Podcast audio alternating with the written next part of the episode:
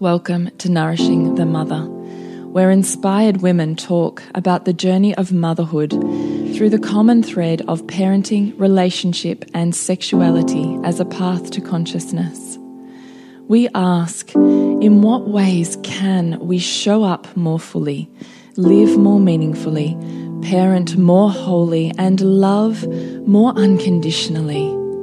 How can we mine the wisdom from the experiences of our lives and expand into those challenges? If you are here, you care about paving a path of conscious and intentional motherhood, connected with yourself and your gifts, and also illuminating your children in theirs, so we may raise more whole humans who can impact this world in a more humane way. And if you feel like giving a little back to this free content, please become a patron of the show and receive extra member benefits for less than a coffee a month. Or you can leave a review on iTunes and Facebook, all of which helps the podcast keep going and reach more mamas who need this type of tonic for the soul. Head on over to patreon.com forward slash NTM podcast to find out more. We are Julie Tenner and Bridget Wood, and we are so grateful you're here.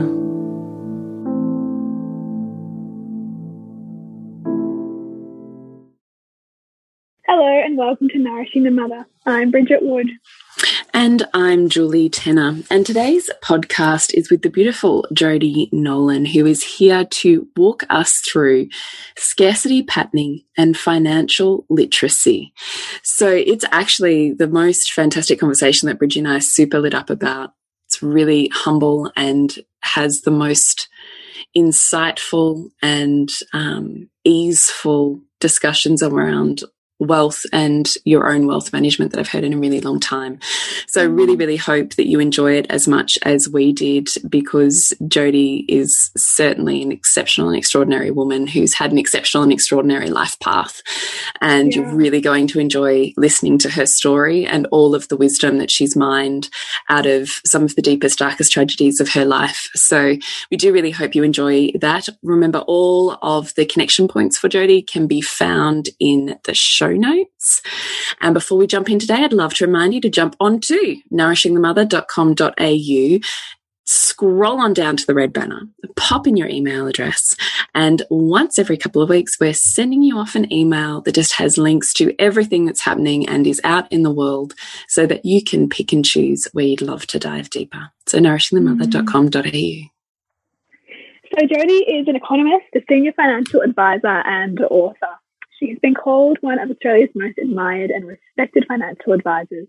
With a master's in applied finance, Jodie is a best-selling author, financial commentator, and owner of financial advice firm Equus Group Wealth Management.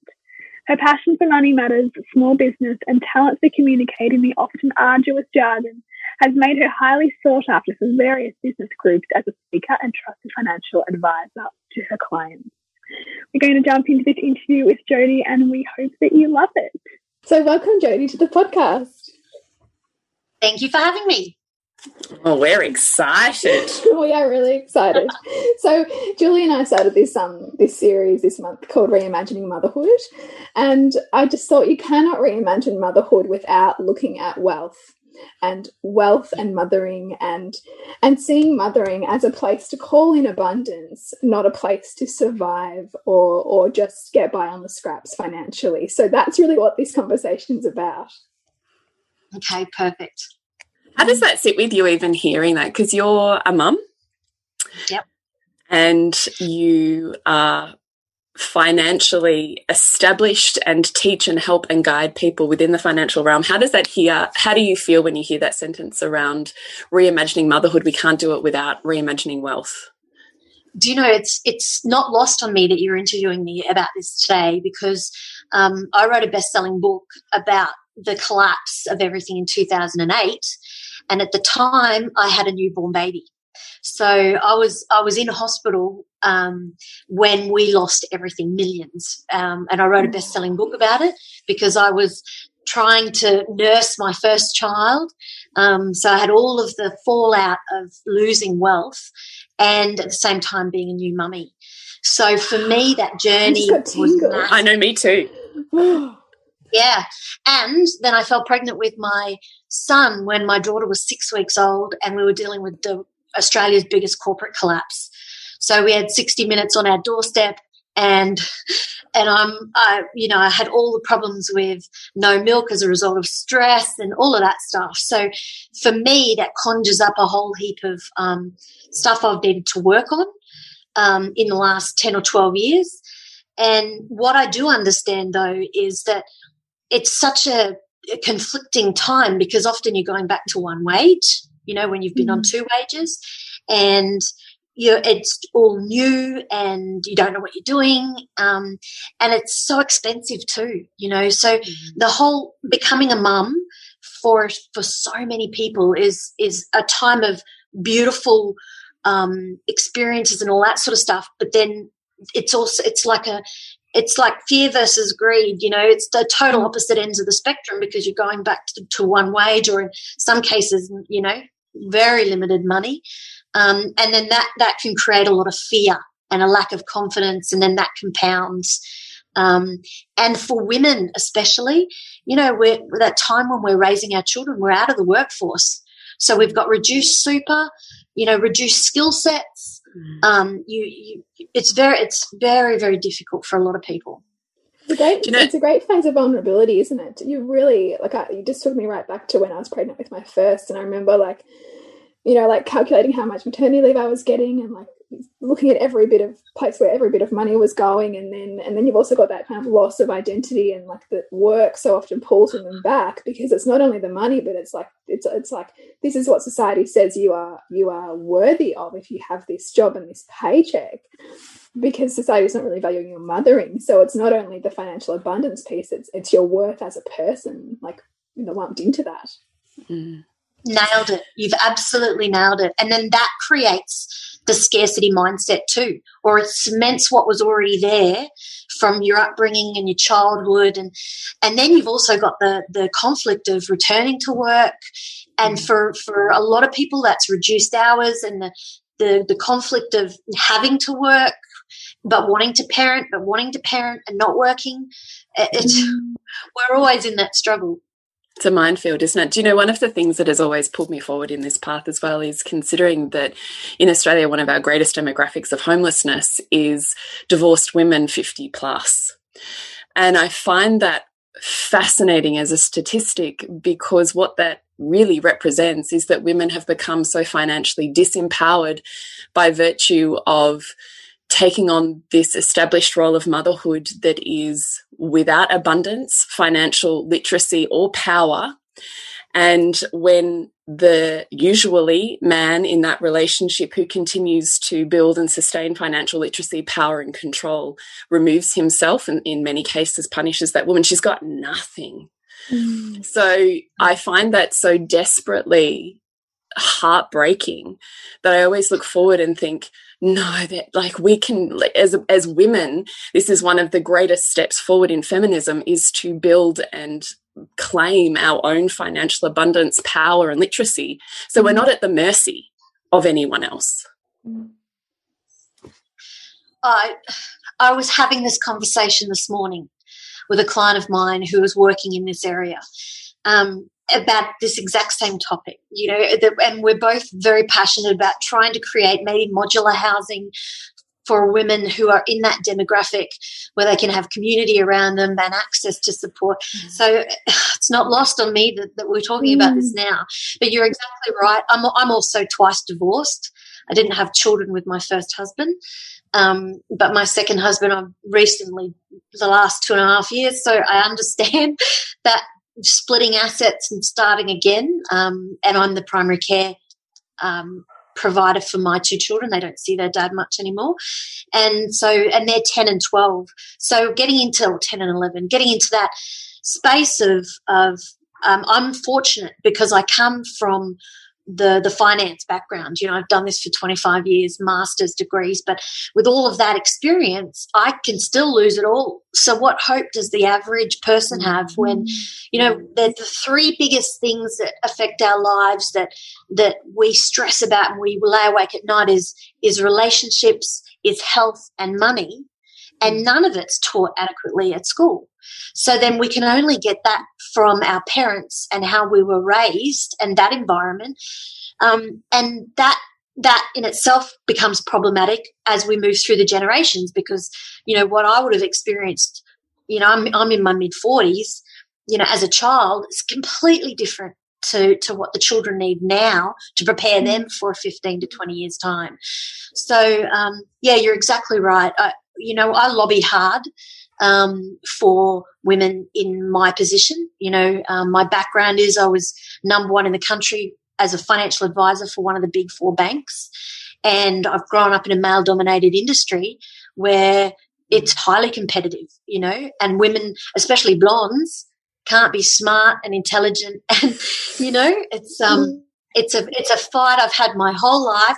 I had to go and get a master's degree in finance just to have the runs on the board academically as well, you know. So um, I do know it well, and uh, and I love what you girls are doing in this space because we need to have conversations around this. And you know, I do a lot of education around money that doesn't cost people uh, anything because we need to know, and it's just a simple, basic thing. And once you start empowering people to uh, remove the blocks that they have themselves, or even just understand why they're thinking the way they do, that creates space to allow new things to come in and new experiences and new opportunities. It's kind of exciting.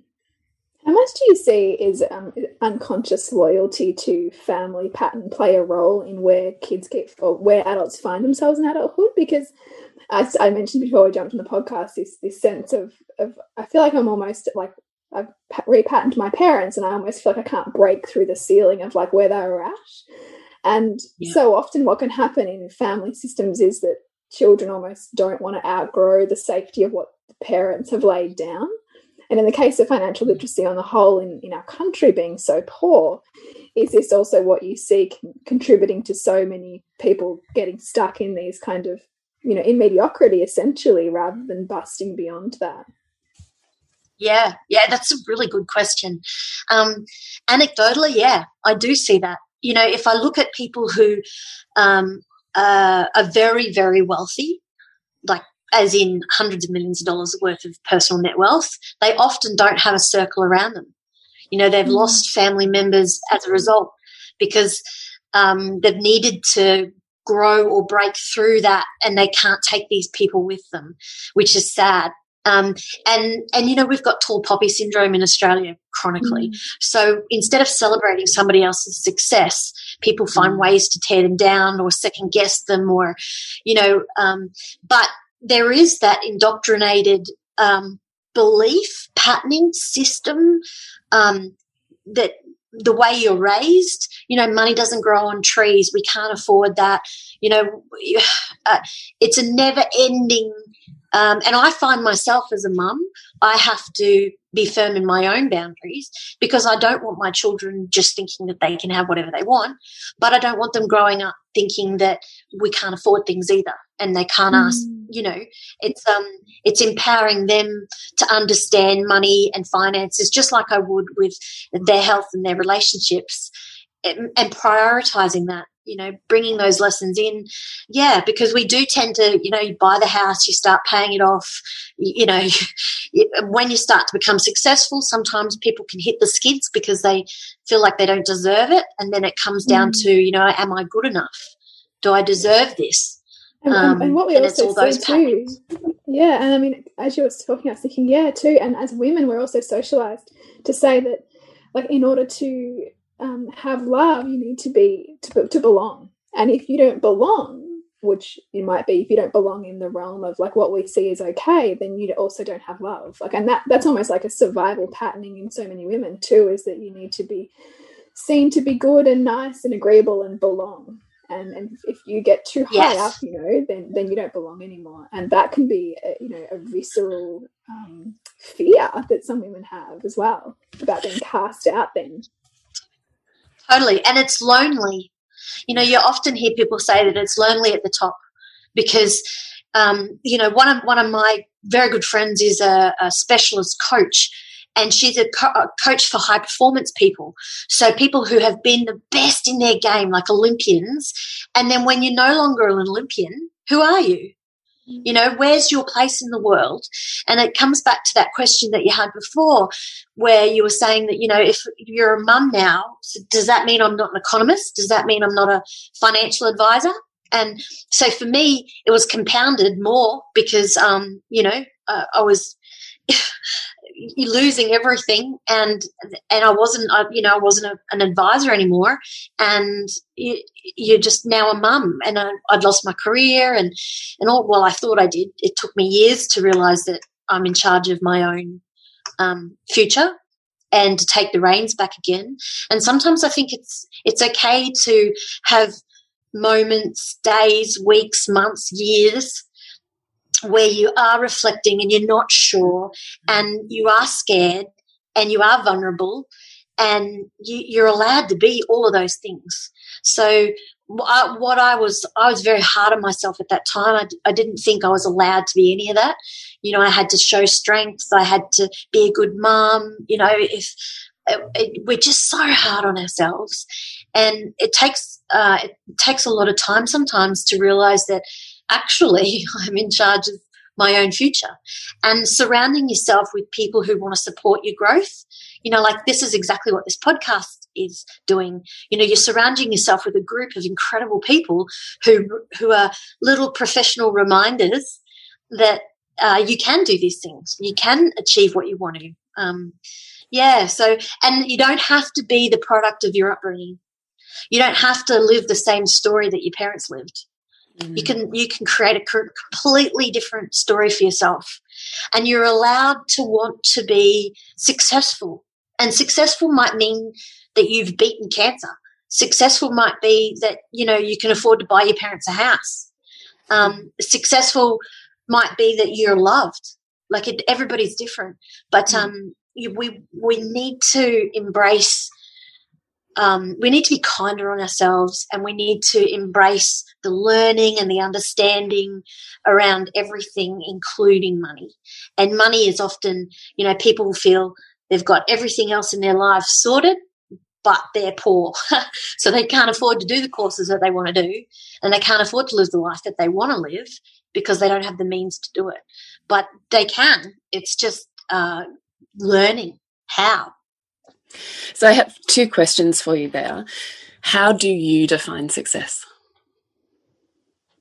Ooh. Um, I always find this a hard question um, because it depends on where I'm at in my life. Mm. It's movable. Um, so, yeah, it is. And it changes all the time. So it's kind of malleable. When I decide, um, so for me, success sometimes is um, raising two beautiful children. Like if I can get them to adulthood and they're beautiful, kind, well-adjusted people, you know, that to me will be successful. Um, when I'm able to uh, retire early, or when I'm able to be philanthropic and just give like I used to, um, that is success. Um, having a, a partner in my life that respects me and loves me for me uh, I don't have that in my world. So that to me would be lovely to have a loving relationship. Um, so it varies, but and it changes. And I think I think it's important to focus not on necessarily one just definition of success, but mm. realize that it's in different mm. areas of your life. So, mm. so and coming from coming from a lot of wealth in the past, um, you can easily lose it. You know, so mm.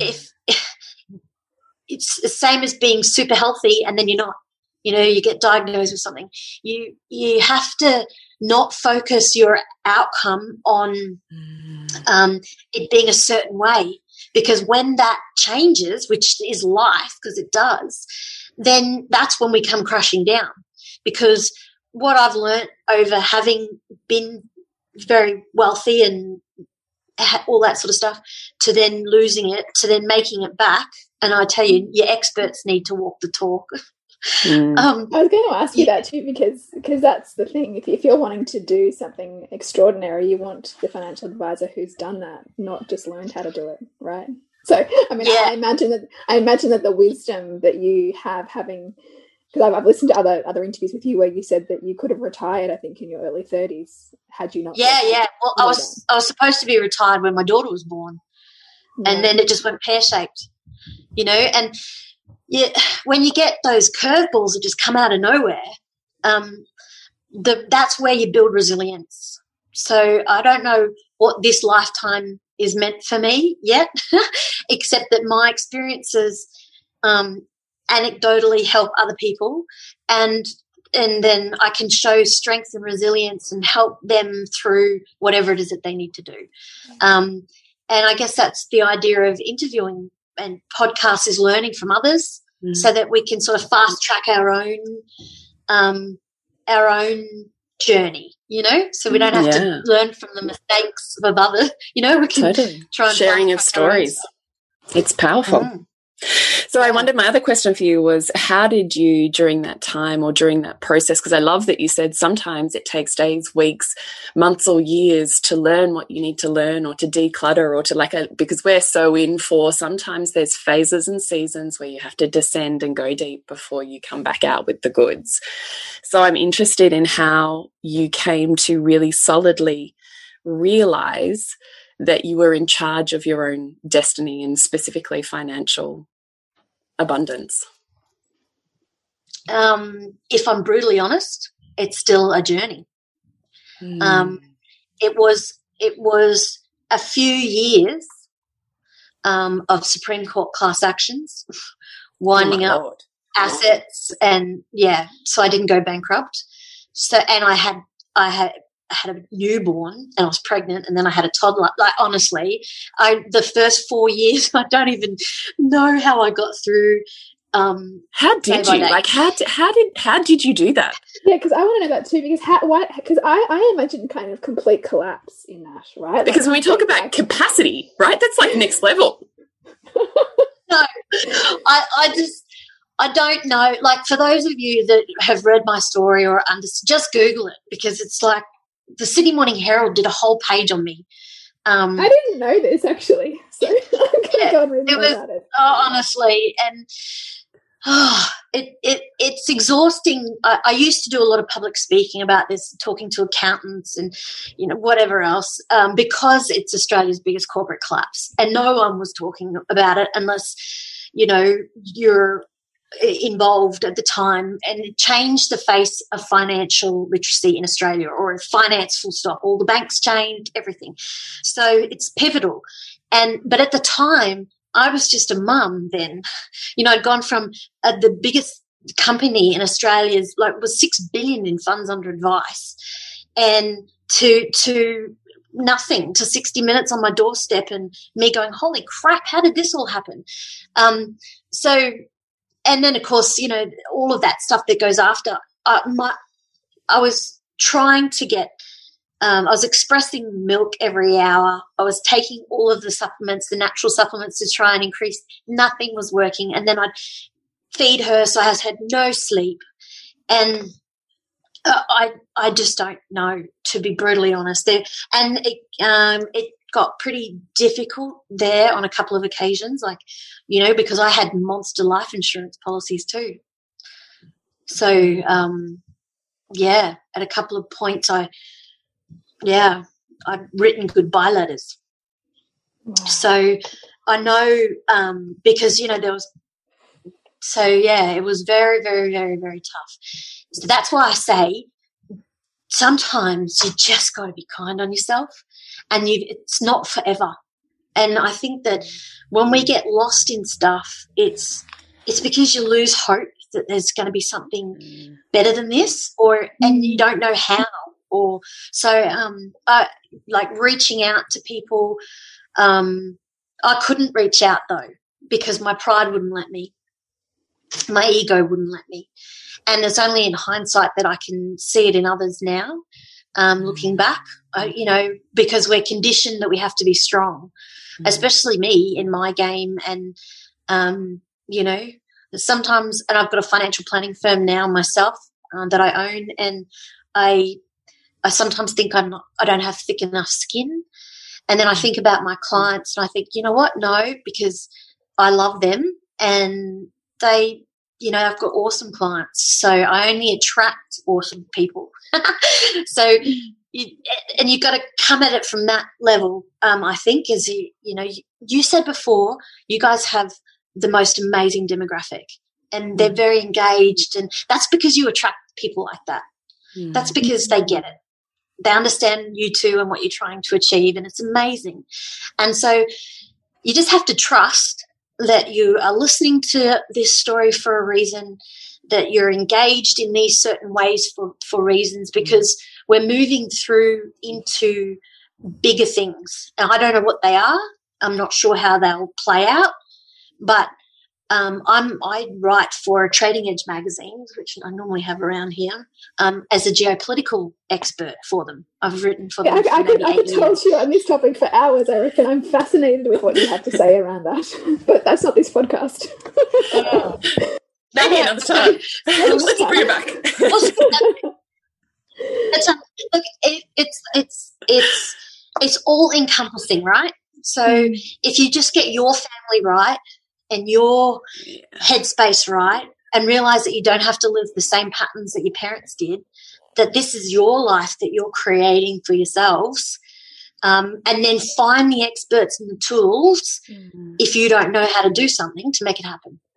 And there's so many areas like um, when you are trying to find two dollars to buy milk and bread, and I know what that's like.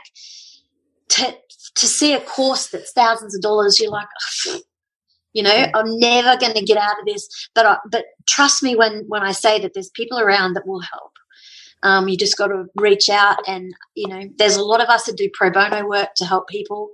Um, or we can point people in the right directions, or there's amazing podcasts like this where you get information.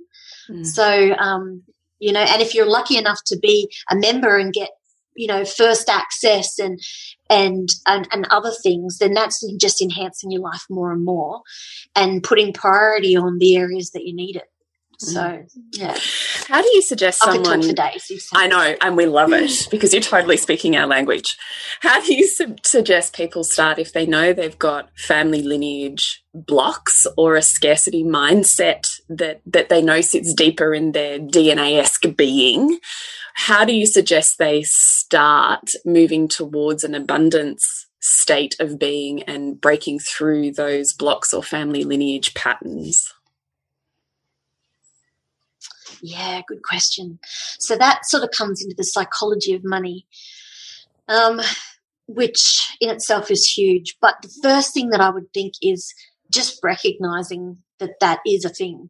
You know, that you do carry that DNA through and and and it's not your fault mm-hmm. it's not your fault and all you need to do is say to yourself whether you write it down and you oh, i don't journal i should but i don't. Um, but i do often write things on my bathroom mirror to remind me of what i need to be focusing on. Um, and sometimes it is things like i am enough. Sometimes you're allowed to just say that's their story and and even write it down like write out how your childhood was around money. You know what what were the things that they said and they did and they acted and and you know and forgive them for it because they don't know any different either. They were raised by people who probably did the same thing no doubt. Um, and thank them for that experience. Thank them for the learn like in your mind thank them for for that experience. And then just say from today it's different. And you'll mm. forget tomorrow, but then you might put on your bathroom mirror from today, it's different. You, mm. and, and then everything that you're doing is serving you now, not who you were yesterday, not who your parents are. And you'll have conversations that will bring you back into that mm. scarcity mindset. We shouldn't do something. And, you know, um, the other thing that I say to my clients too, which I think is so helpful, um, take a snapshot of where you are today. what's all the credit cards I've got? What's my car loans? What's my home loan? My rent? Like what? And don't even call it a budget. And I've got a great idea for people who hate to budget, which I can tell you if you want. But take a snapshot today and diarize six months from now, and then diarize six more months from now, and then look at it. Because people go, oh, what's in my super? They don't, they don't even think about their super. But you need to go, how much am I worth today? So you could be negative equity. You could owe too much. What's all my debt? Oh, I've got $80,000 in credit card debt, whatever it is. But six months from now, you might only have $70,000 worth of credit card debt. That is huge. That's incredible. Mm-hmm. That, that needs to be celebrated. And then those little wins, because if you go to work every day and you're doing, especially, or even if you don't go to work, husband goes to work and you're being a mum and you're going, oh, I'm just being a mum, you know, that's not that's not even it because you're not feeling like you're contributing to the family. You're not you are a, as a unit and you need to stock take as a unit and in six months time you need to say sit down with your partner if you've got one and stock take and say hey babe i know this seems really heavy and hard and like we're not getting anywhere and we're fighting about money and bills and whatever but actually you know our supers are up 10 grand we've got 5000 paid off the home loan like we're, we're making progress here it doesn't have to be buying the second investment mm-hmm. property. It doesn't have to be big things um, because those little things add up to the big thing. Mm-hmm. And sometimes we can get paralyzed with making that next big decision. But in actual fact, all your little decisions each day is the same as that decision to just draw the line in the sand and go, um, that lineage from my family is a story that I don't need to take on. Mm, it's a story. so much. I so, so you're much. telling yourself that you won't be successful. That's just a story you're telling yourself. If I if I think about it, if I come in and saw you today in your financial affairs, would you be proud of to show me your filing cabinet full of your bills and your your budget, or would you be like, oh my god, I don't even know where all my supers are. I, I, you know, I don't even know how much I owe on my my store card. Did you know what I mean? Like, yeah. so, and and that bit is that bit's easy to clean up. You know, it's it's annoying and it's horrible and it's really crappy, but that bit's easy to clean up. Then you work on the stories around the limiting mind belief. They're just stories, and you do the line in the sand, and you thank them for that education that's got you to where you are today. But you are you are moving towards something more exciting for yourself, whatever that is, that whether so it's much. education. Mm-hmm. Before we jumped on, just while we're on the topic of the psychology of money, you had said a sentence along the lines of money has its own energy. What does that mean for you? So, um, every single time I meet people, couples, whatever, um, they have and they they give money and energy. They either um, a negative around it. Uh, oh, money doesn't grow on trees. We can't afford that, and we're not doing this, and the business isn't making enough money. You know, there's all like mm. that. Or, um, oh, I've got so much money, I don't even need to worry about it. Like I can just buy whatever I want. I can just do whatever I want, and you know, they. Um, I find that the people who are very successful and the people who do well don't put an um, uh, energy around it. They don't even, it's got its own flow and it's got its own energy, but they respect it. So they respect the, the ability for money to make money. So that might mean that they understand that to borrow $100,000 from a bank, like at the moment, you can borrow it for two or, two or 3%. So that's two or $3,000 a year to lease the use of $100,000 oh my goodness, what could I do with $100,000? What investment can I make? So, and that, that is just a, a decision. So when, when I talk to people about their financial stuff, I try to remove the, the, the emotions from it the decision making emotions. So anytime people make financial decisions, probably the, one of the biggest things, and this will be key and pivotal to whoever's listening, is that you look at decisions around money, how you spend it, how you earn it, what your uh, goals and plans are, and then you attach an emotion to it.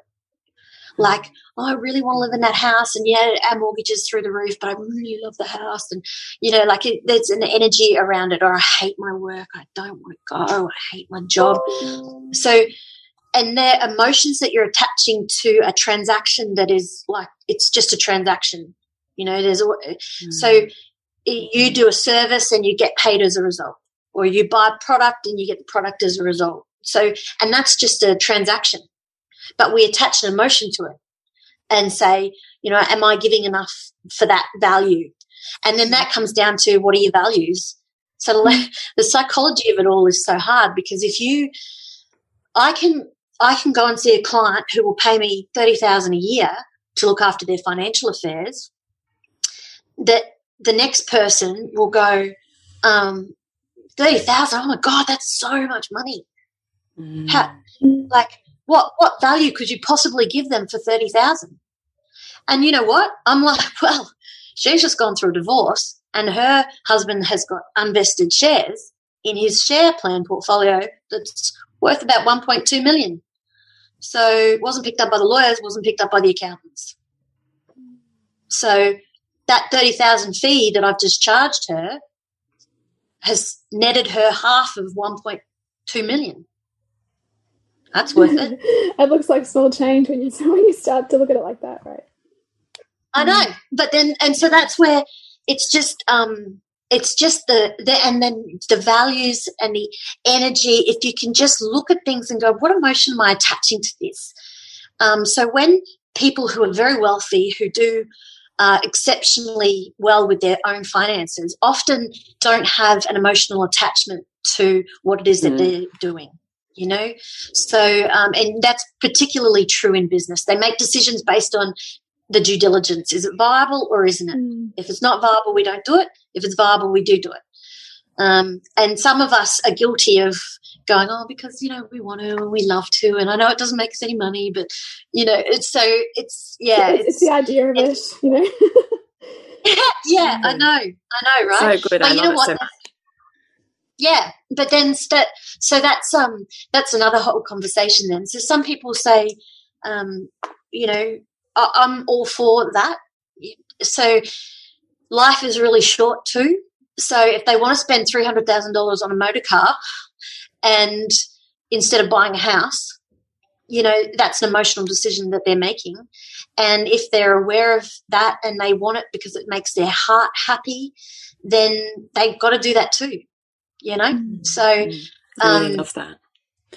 Can I ask you what wealth management means? Oh, yeah. Um, I've never been asked that before. Have you not? I was uh, like, as I was reading through all of your website, I'm like, yeah, what does it really mean? Because I'm just so yeah. you know, I'm working on this. This has been like what, how many years, Bridgie? A four year process of me doing this decluttering to get to where I am now, where I've completely bust through my lineage patterning. So as I stand here today, I'm like fucking celebrating the shit out of that. Thank you. So then I'm looking now at, oh, fuck, I've done the past. Now I'm ready for the future. Mm. What does wealth management mean? Yeah. Because it is not part of my knowing system. Okay. Well, it is now.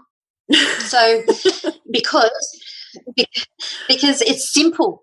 You start with the little things. So um, so it's so if you look at it as micro and macro, that's probably the easiest thing to do. I don't know why this is coming up.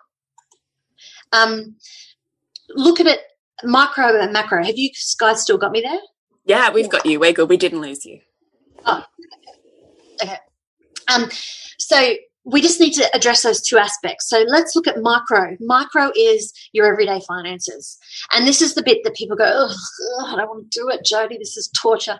So, and it doesn't have to be rocket science. It, all you need to do is take a stock take. So get, let's say, get three highlighters and your bank statements, you print them off from all your different accounts. And let's say pink is the stuff that you can't change. So that's your mortgage or your rent or your car loan, whatever. Go through, highlight everything that you can't change in pink. And then yellow will be the things that you could change or reduce, like Telstra or Netflix, if you had to, whatever. Um, and that's all yellow. And then go through, and green is all the BWS and the Target and the you know, corner shop. And, and if you go through and everything is pink, I'm going to go, holy shit, you, you are really, you know, there's no surplus here. There's no fluff. There's no, nothing. But if you go through and everything's green and you, you, you're complaining about having no money, I'll be like, well, we have some, we need have yarn. so, because whilst you need to spend, sometimes we're just doing these incidental things and that add up. You know, like a bottle of wine every night that's fifteen dollars adds up. So, um, I'm speaking from experience here. I'm saying it. so, but um, oh, I'm just kidding. But if you if you see that and that's a pattern, there, there's room that we can change there. There's ways that we can create. You know, um, you can free up cash flow to do more things with it. And that's essentially the goal of wealth management is to either earn more or free up your existing cash flow to do things. So you work and you need to have investments that work for you. So the investments is more your macro picture. So we're still on micro at the moment. So streamline that.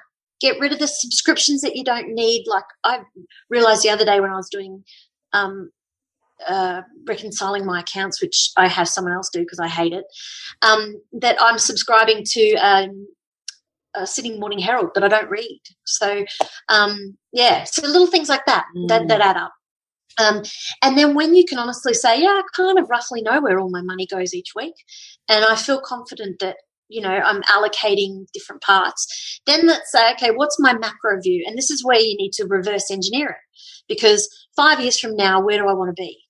You know, do I want to have a second house? Do I want to have my mortgage paid off? Do I want to have a deposit for a house? Do I even want a house? You know, like in the current environment, we're, we're moving into the biggest recessionary environment we will ever see in our lifetimes. And more millionaires are made in these downturns than ever in an upswing. So we are going to, even though it's going to be really dire and really hard, we've got incredible opportunity here as well. So you know um so Before we move on sorry can i just pull you back on that? Because i get it in my head and then i'm like but how does that work? Because i've read all of the history books that say exactly that thing and i'm like but how? How does that work? Like how does that actually work? The recessionary environment or the the, the, the, the more millionaires in a recession or a depression. Yeah because innovation happens in recessionary environments. Um, mm. Innovation, new concepts, new ideas, new ways of doing things, out with the old, in with the new.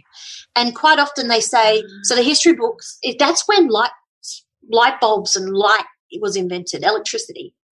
You know, um, mm. that's so the recessionary periods it must be really intelligent people with far too much time on their hands maybe i don't i don't know but for the mere mortals it is when everybody else so so all my clients majority of them are in cash and fixed interest type investments at the moment.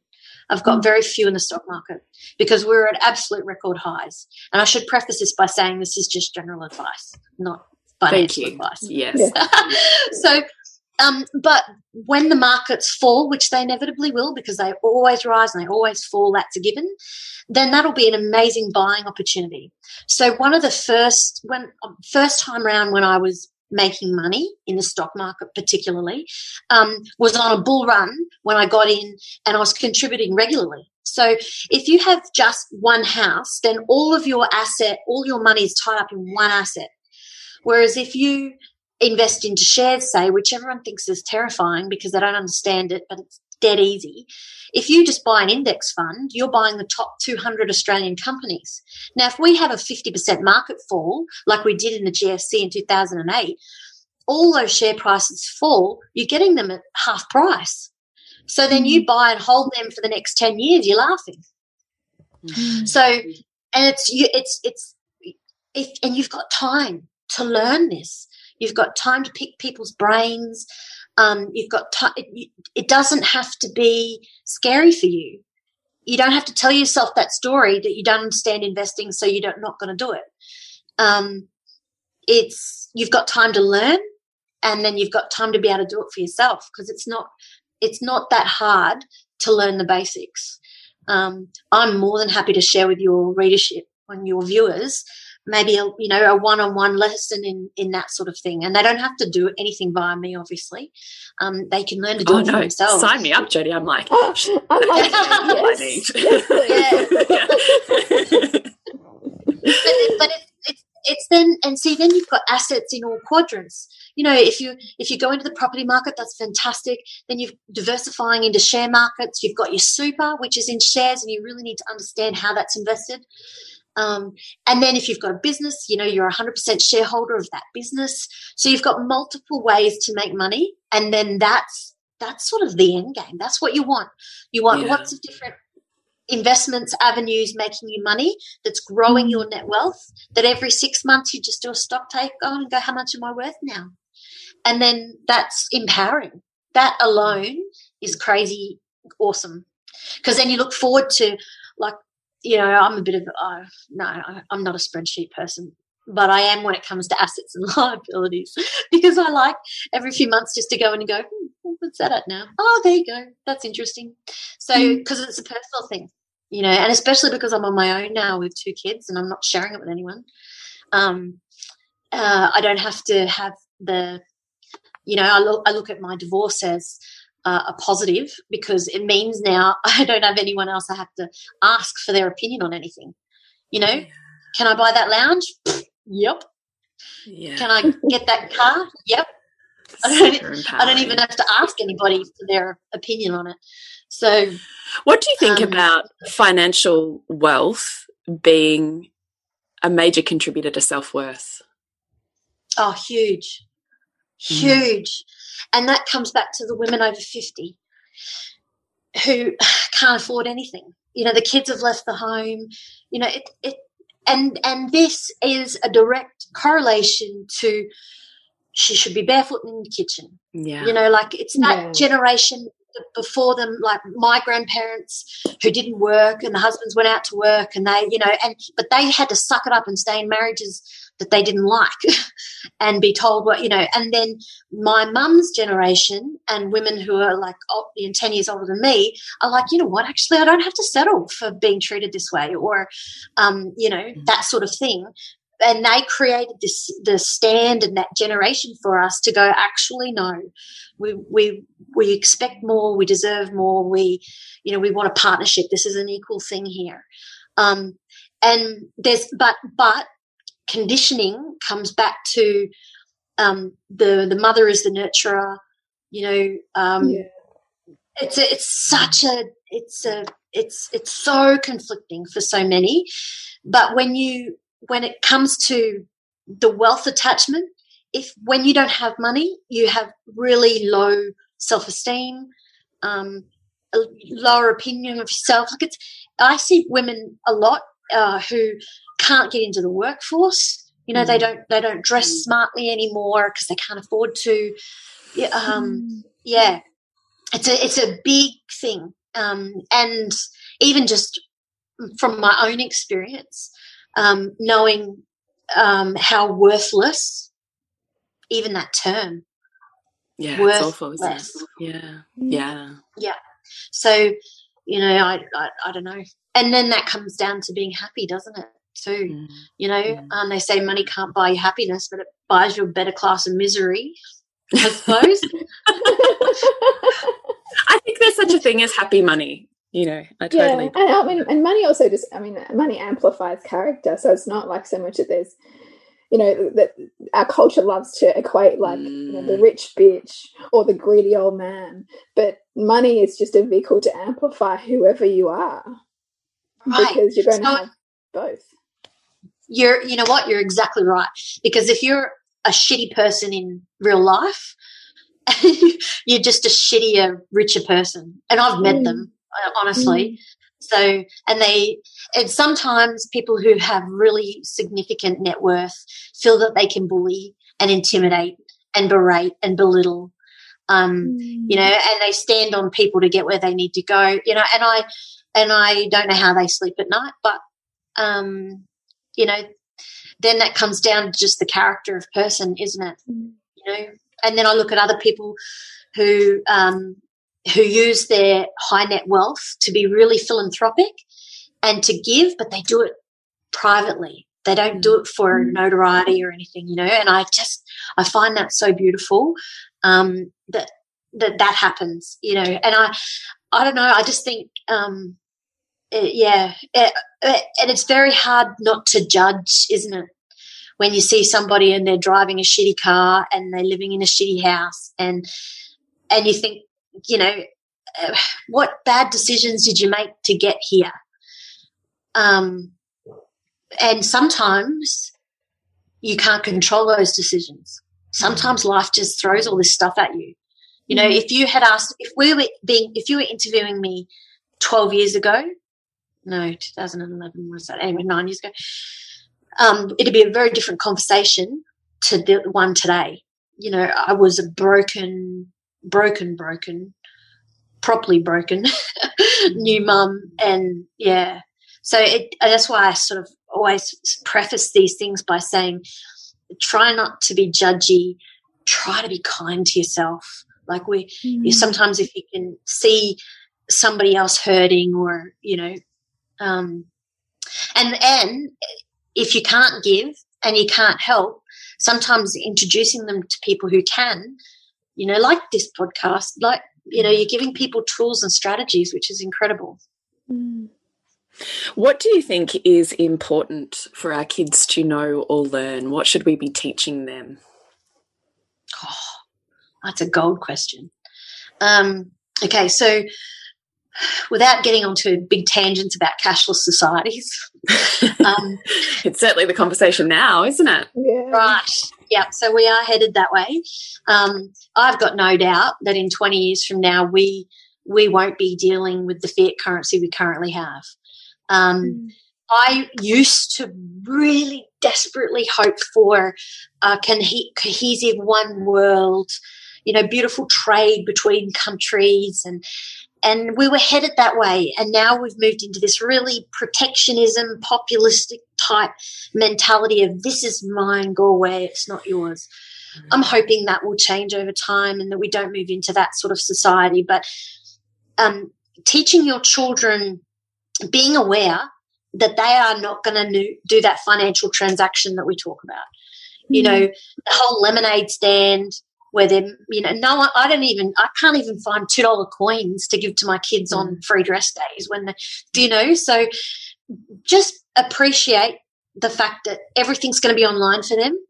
So, um, teaching them good money skills. So my kids have got what they call Spriggy accounts. So I'm not endorsing. Yeah, I just got my son one of those. Yeah. Mm. And so I can control money going in. They've got an app where they can see how much is there. They've got a debit card. So they, and, you know, that has been massive learning curve because when they walk home from school, I can see how much they're buying from the IGA.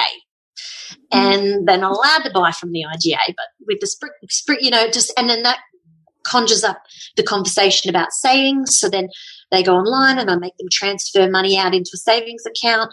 And we have family chores that they do that they have to do, they don't get paid for. They're just expected to do it. Um, but then they've, they've got bigger things like washing the car and stuff like that that they get earn pocket money for. Mm-hmm. So, um, you know, just the value of working for money, but also, do you know what I find fascinating and which is really important to embrace in children um, screen time obviously is a massive issue, and I don't even I won't go there. But um, my children can, in their heads, convert Roblox Roblox money to USD to AUD like that. Oh my gosh. because they play the Roblox game yeah. with their friends and they need to um, they have to work in the Roblox game building cities and so they earn money driving pizzas or in this game. Mm. And then if you buy them a $10 Roblox gift card, they can, they can go, mum, um, I can get a better something if I have got this much ten dollars, which is the and they'll do the US equivalent to AUD to mm. Roblox in their heads. So that and that is the start of the generation of digital currency. Mm. So don't discount people who say, "Oh no, we won't ever move to that." No, that our children are already trading in currencies that don't exist. So true. So that is going to be huge. So 20 years from now, so um, I, I don't own Bitcoin, but I own a lot of cryptocurrencies. So understanding blockchain technology. So blockchain technology is incredible. It's already here with us. We even our Australian Stock Exchange has moved to blockchain technology because it's instant and the trading happens instantaneous. So when you buy or sell a stock, it's instant. Um, whereas before you needed days in a clearinghouse, a bit like when money went into your bank, mm. you have to mm. wait two days for it to clear. So that instant technology is here with us, and that instant technology is something that we need to learn and we need to understand because our kids will be using it um, mm. heavily and in their everyday transactions. And so that, and that will come down to um, changes in the way we trade. So the US dollar has always been the prominent dollar. Everyone trades globally in this US dollar, right? But not anymore. Countries like Japan and Russia are going, we're going to, we're going to trade in our own currency, bugger the US. We're keeping them out of it. So once that sort of, mm, and then that flow on effect will, will flow down to the next generation because they'll be looking for a currency or a trade form that's not necessarily cash or like the money that we know and understand. They'll be trading in um, oh, Roblox for all we know. so yeah, that's definitely some the next generation. Some, some of the res- the resistance for a lot of parents in terms of moving to say app based money or like accounts is that you know kids don't have that felt sense of cash in their hand and of actually seeing money and, and feeling feeling like the ownership and then the, the giving over of money and the exchange of money. But it sounds like apps like Spriggy and other ways to move money online can still teach those skills. Can can get because the, the issue we're trying to deal is to not get our kids get sucked into things like afterpay, for example. Right. You know, and, and yeah. Yeah. Yeah. So the biggest problem I see in 20 year olds now is zip money, afterpay, credit mm. cards, you know, heavily indebted. It's actually they, scary. Oh, I, I really wonder about the psychology of it. I don't have to wait. I can just have it now. Mm. Yep. Yep. Instant gratification. And then that come that that releases the, the the endorphins in the brain, doesn't it? That, that go, oh, I've got it. And then where's the next hit coming from? And so mm. social media is the same. It's like exactly the same. So it's that and it's wanting to connect to, in a community where none of us are connecting. so, uh, so we're getting these um, dopamine and serotonin hits from different aspects. You know, I went to Timezone for the first time the other day with my son. He goes with a mate's and his mother, but I've never been, and I was blown away at the at the gambling environment the flashy mm. lights, the excitement, and the swipe your card and put it in here. And I'm like, ah. Admittedly, I did have fun racing on the dodgems and things, but um, but all of that stuff is okay if you make your child aware of it. Yeah. You know, I spoke to my son about how you know that pokey section and the local pub we can't go into because people sit there all addicted. You know, that's this environment here, Ty. You know, mm. and they're trying to get you to do. So we we use it as a learning tool. Um, mm. I'd say to parents who who want to give cash like the five dollars in the pocket money and so that they can save it in a piggy bank and all that sort of stuff. That's all perfectly good. That that is still a beautiful way to teach your children. My mine definitely have pocket money and they understand finding twenty cent piece on the ground is like whoa. So that is good, but please understand it's like it's just generational. Um, it's like when our parents used to say, "Oh, you sit on the phone all night and you send them at school all day." But, and the phone's in the kitchen and it's attached to a wall. Yeah, yeah. you know. Yeah, I remember the cords. yeah, I know. I'm so old that my children are like, "You didn't have mobile phones when you were a kid." No, no. I, like, like, I remember when they yeah, came in. I had, I had, like, sit on, we didn't even have the internet, guys. And they're like, "What? I know. I know. No, oh my god!" So and so this is the same thing you know like we're going oh i don't want devices. I don't want this. I don't i, I want them to understand the but that's the world that they're going to grow up in. So mm. we're better off just going you know what? Let's let's uh, heavily regulate how we're going to introduce this to them because I don't want my children, this is personally, I want to have raise very intelligent, consciously aware humans who understand the marketing messages behind the stuff they're getting mm. spammed with on TikTok. You know the the mainstream media mess that's around. Um, I want them to question everything. You know, um, I want them to to not get to fifteen or sixteen and see, you know, questionable websites and and be all like, yeah. you know, like they. Um, so I, yeah, I just and that is sadly the environment. It's mm. either going to have to be really heavily policed, um, but then you know that's like a freedom of speech, which is something I find really hard to handle. Um, mm. I, you know, we need some strong leaders at the top. And I think it starts with us. Mm. You know? We say that all the time. How can yeah. you change the world if you don't change mothers? Yeah. yeah. See, that's beautiful. And and this sort of thing is great because I love being with like-minded women, women who um, who want to address how they're handling things and maybe go, okay, mm. well, I hadn't thought about it like that before. Yeah. You know, um, yeah and then move to and once you, you know consciously aware you're more likely to to change your behaviors a little bit. And then that reflects beautifully on your children and the family that you're raising. And and then that mm. reflects on your family. Like we're talking about the dna and the family and all that sort of stuff. Um, slowly you can wear them down. Yeah. i've slowly worn lots of family members down that they they sort of have the abundance mindset you know like they they their indoctrinated way of thinking changes when i come to them with um, yeah. critical thought you know well what have you, have you thought about it like this mm. no because they've always just accepted the status quo mm. so mm. How do you tell women to work with? Oh, sorry. Do you mind if I ask? I know, I know we've used so much of your time. I'm just thinking of the women that I know that that are mothers. That um, the hardest part for them is their own personal resistance to doing the thing that, like you mentioned before, that feels so hard. So I was having this yeah. conversation with a friend the other day, and she's like, I like menu plan. I know exactly what our weekly budget is for food. I'm like, I have seven accounts. I know exactly where our money goes every week because there's, you know, blah, blah, blah. And she's like, I've got the account I had when I was 16 and I can't even think about changing it. Yeah. What do yeah. you do with that? Or, I, or she goes, Oh, maybe we need to start meal planning. Her husband walked in. He's like, Oh, that sounds so fun. And I was like, Uh huh. So it's extra yeah. money. yeah, yeah, yeah.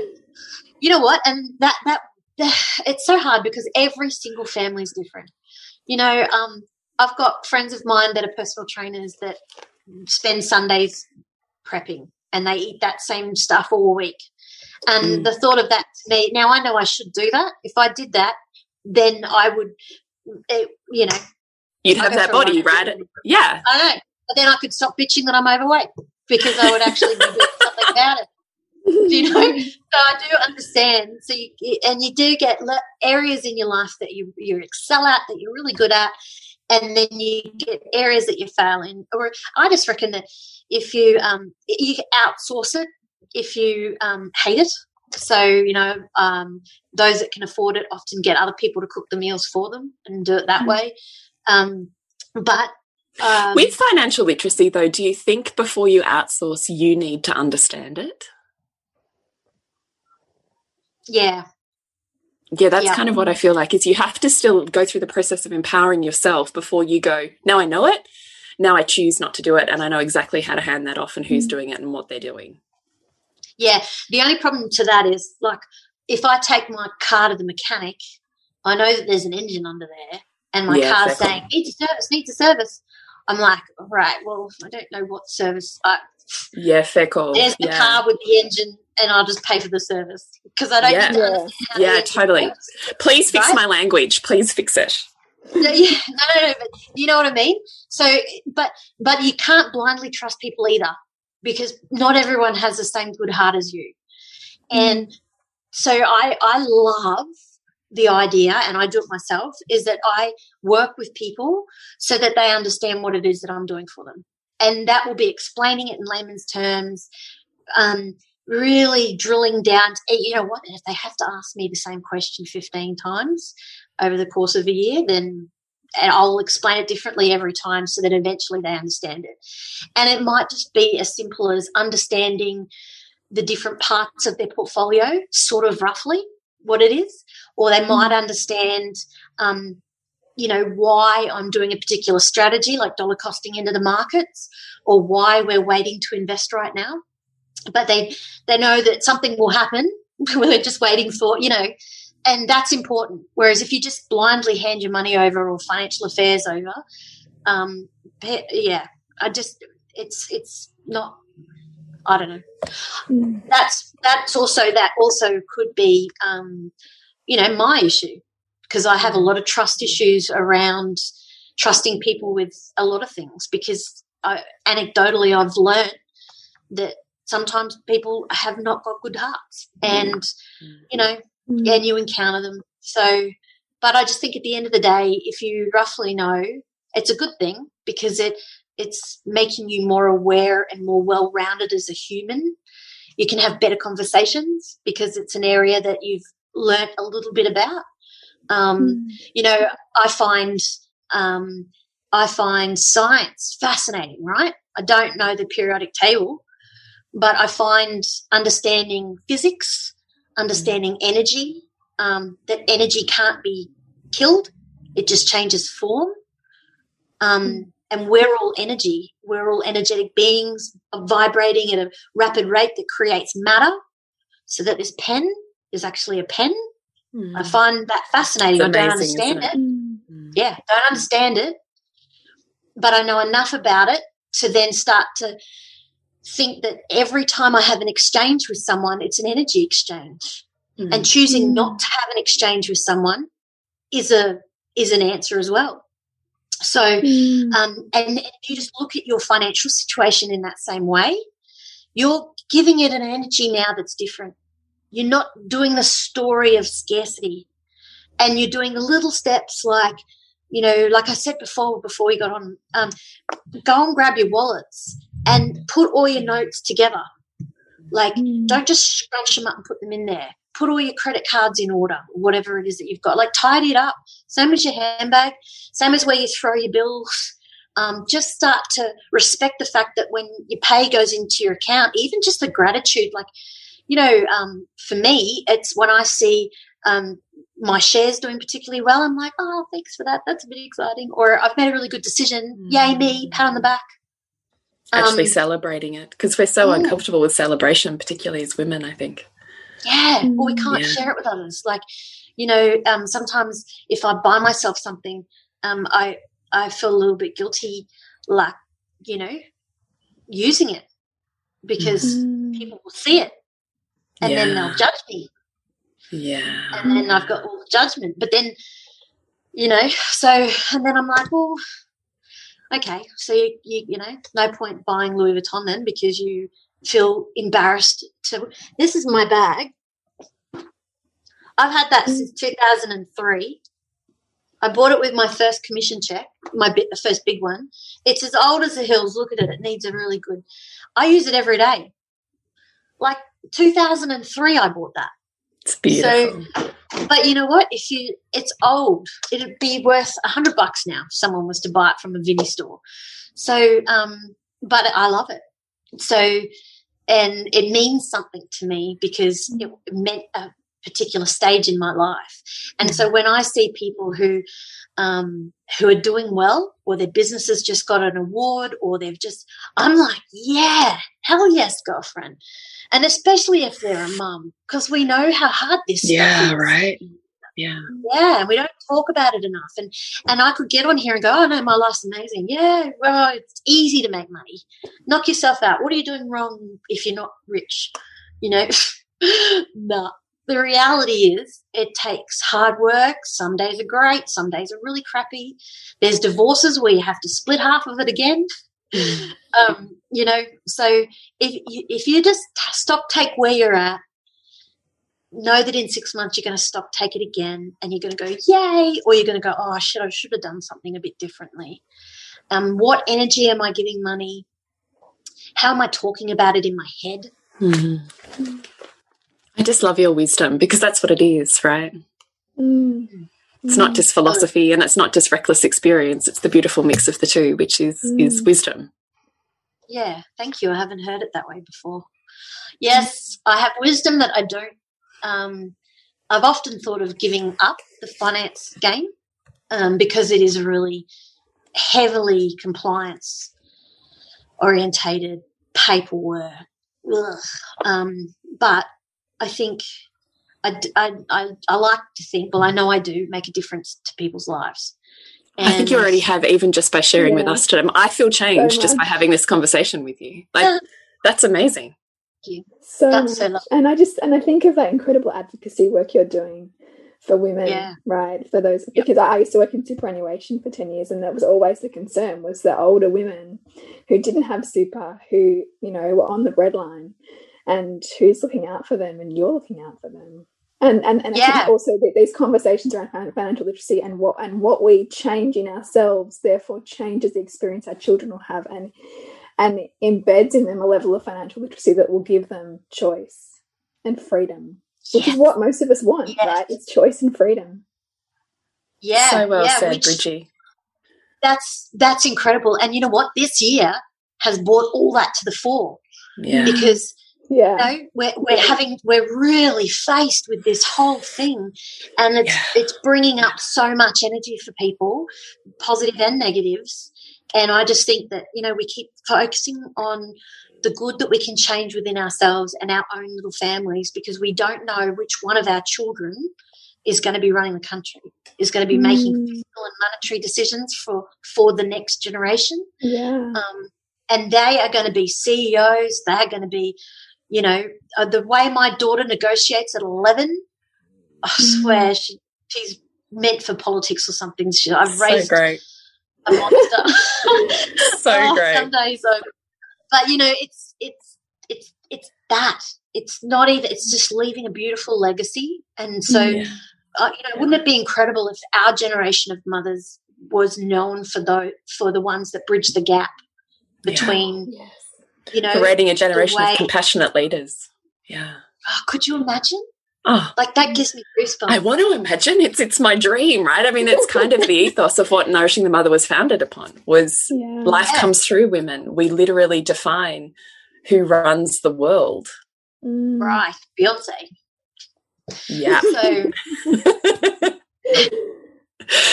before we wrap up, do you have any last questions, Bridgie? Before I do our quick fires.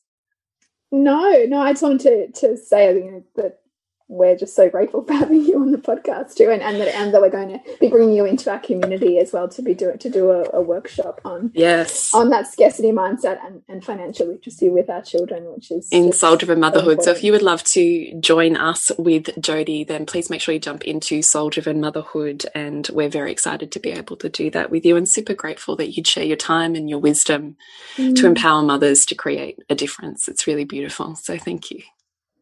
Thanks for having me. I have three quick fire questions we ask every interview person before we end. One of them is um, a time of immense growth. I feel like we've already spoken about a time when you've been deeply wounded and you've mined that experience to gain the golden light, essentially, of consciousness or um, meaning um, wisdom out of it. Is there anything else you want to share about that time, or do you, or pick another time, or do you feel like that's no, no, that's that's really definitive. Um, they just to share very quickly. I that year in 2008, I was pregnant with Maddie, my first child. Um, I was working from home in in a higher board position with the company um, because I could retire you know, I didn't need to work, and um, and I did all the calm birthing courses, and I was like, I'm going to be this Zen mother, and I bought a Thermomix. So I could have organic baby foods and do it all my anyway. So then I went to hospital with preeclampsia because the stock markets are falling, and I'm like, uh, and then my daughter's born emergency C-section into this chaos. So I was so that to me monstrous and then the universe cleverly said, Holy crap, she's not going to be able to cope with this. We better give her a baby, a new one in her tummy. So that way she won't drink herself into oblivion. She won't do anything dumb because now she's got, uh, she's pregnant with a second. And Amazing. I loved him uh, so much that I wouldn't do anything to myself because obviously I, you know, and then I had two little ones. Um, they gave you life. Just, mm. Yeah, well, it gave me because I could, in my mind, mm. I couldn't, I, I, couldn't hurt my, I couldn't do away with myself because then that, that would be hurting my child. I could when he was born because then I'd have enough people looking after my babies, you know, for life insurance. So you do get very low and you do get very dark, and it's okay. And some of us, we should talk about that too, you know, because there is light at that end of that tunnel. There is, you know, there is hope, even when you're thinking this is hopeless. You know, even when you're thinking this is worthless, I'm worthless. This is this is a, awful. I can't see a way out. Someone with fresh eyes will be able to come in and go, I'm I can see this because I'm not in it. I don't mm-hmm. I'm not I don't have all the emotion attached to it. So I'm going to be able to help you. So if you can see someone else in that situation, um, they probably won't reach out. So that's where we, you know, we need to recognize that and step in and mm-hmm. help where we can. So yeah, beautiful. that's defining time. Thank you. Thank you for sharing also that depth. We really appreciate the vulnerability and strength that that takes and how that conversation alone can change somebody's life. Mm. So thank you. The next question is the books in your life that have been the most influential, or the books that you wish every woman would read in her lifetime. That if they could be a bundle that got given to every year 12 as she graduates, knowing she would read them, what would they be for you? Do you know, out of all of the books I've read, one that it's old, but it, it stands the test of time, in my opinion, is Richard Branson's Screw It, Just Do It. so good. because ironically, he has a really interesting way of dealing with adversity. Mm. And um, and you know he's he's been open with his learning difficulties and all of that sort of stuff. And yet you know he's he's been really very powerful and influential. So um, and he he writes it in such a simple way that you know you literally pick it up and you're just reading through it's quite simple. But i i um i i was a massive fan of um, global economics. So I read a lot about China and the US and all of that sort of stuff. So I tend to read all of those sorts of things. But the screw it, just do it um, is still a favorite. What about your book? Where would we find your book? Um, so yeah, I was asked about that this morning as well. My book is sold out. Um, and I should actually, I don't think I've got it advertised anywhere. So I'm in the decision making as to whether or not I update it and then publish it again. So I've been through three different runs. Yeah, it's it's good, but it's old now. So, um, but if you can find it in secondhand stores and stuff, there's quite a few reprints. So, um, what is it um, called? Uh, it's called Surviving the Storm. Mm. And the first chapter is just all about my story, and then the rest of it is all um, everything you need to do to start again. So yeah. maybe I should summarize it and then just put it into a into a. I will do that. I it sounds like a deeply purposeful. Yeah, there must be so many people through this COVID situation that would really benefit from how you built yourself back up again. Yeah, I bet. Yeah, it can be complicated though. So, if, but you know, I think at the end of the day, if people can summarize it and just get it into like a free ebook or something, then it might just give them the thought pattern to step themselves mm. through something. Yeah, mm. definitely. Definitely. And our last question is if you could have a billboard anywhere on any major superhighway in the world, what would it say?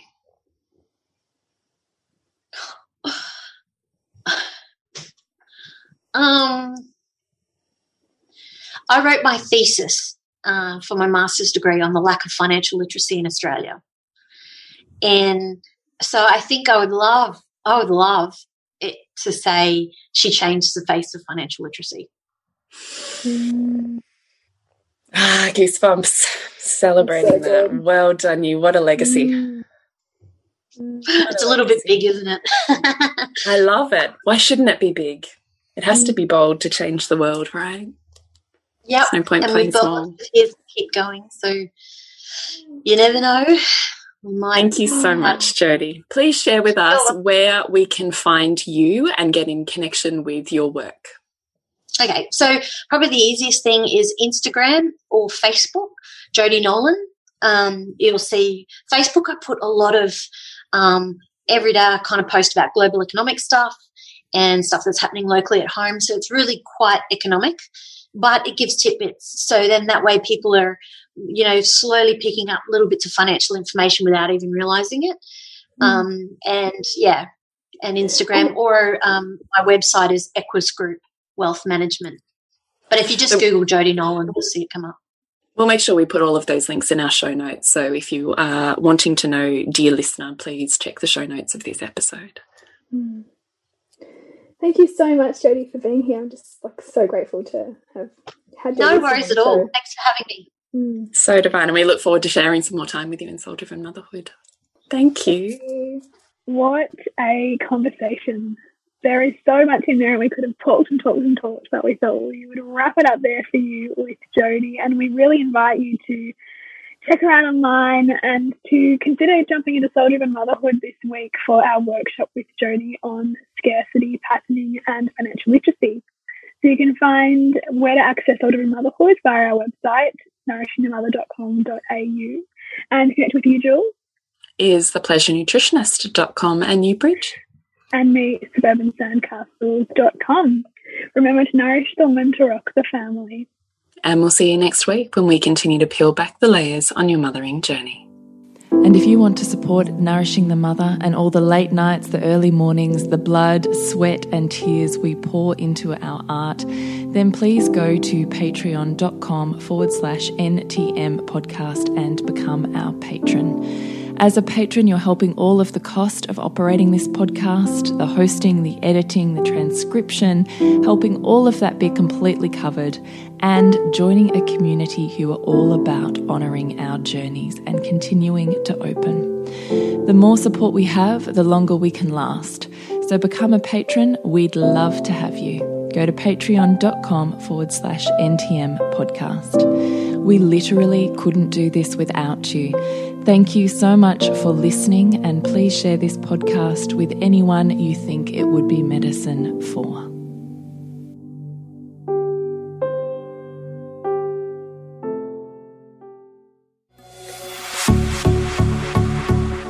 This has been a production of TheWellnessCouch.com. Check us out on Facebook and join in the conversation on Facebook.com forward slash The Wellness Couch. Subscribe to each show on iTunes and check us out on Twitter. The Wellness Couch, streaming wellness into your lives. Whilst the Wellness Couch presenter endeavor to provide accurate and helpful information to their listeners, these podcasts cannot take into account individual circumstances and are not intended to be a substitute for health and medical advice from a qualified health professional. You should always seek the advice of a qualified health professional before acting on any of the information provided by any of the Wellness Couch podcasts.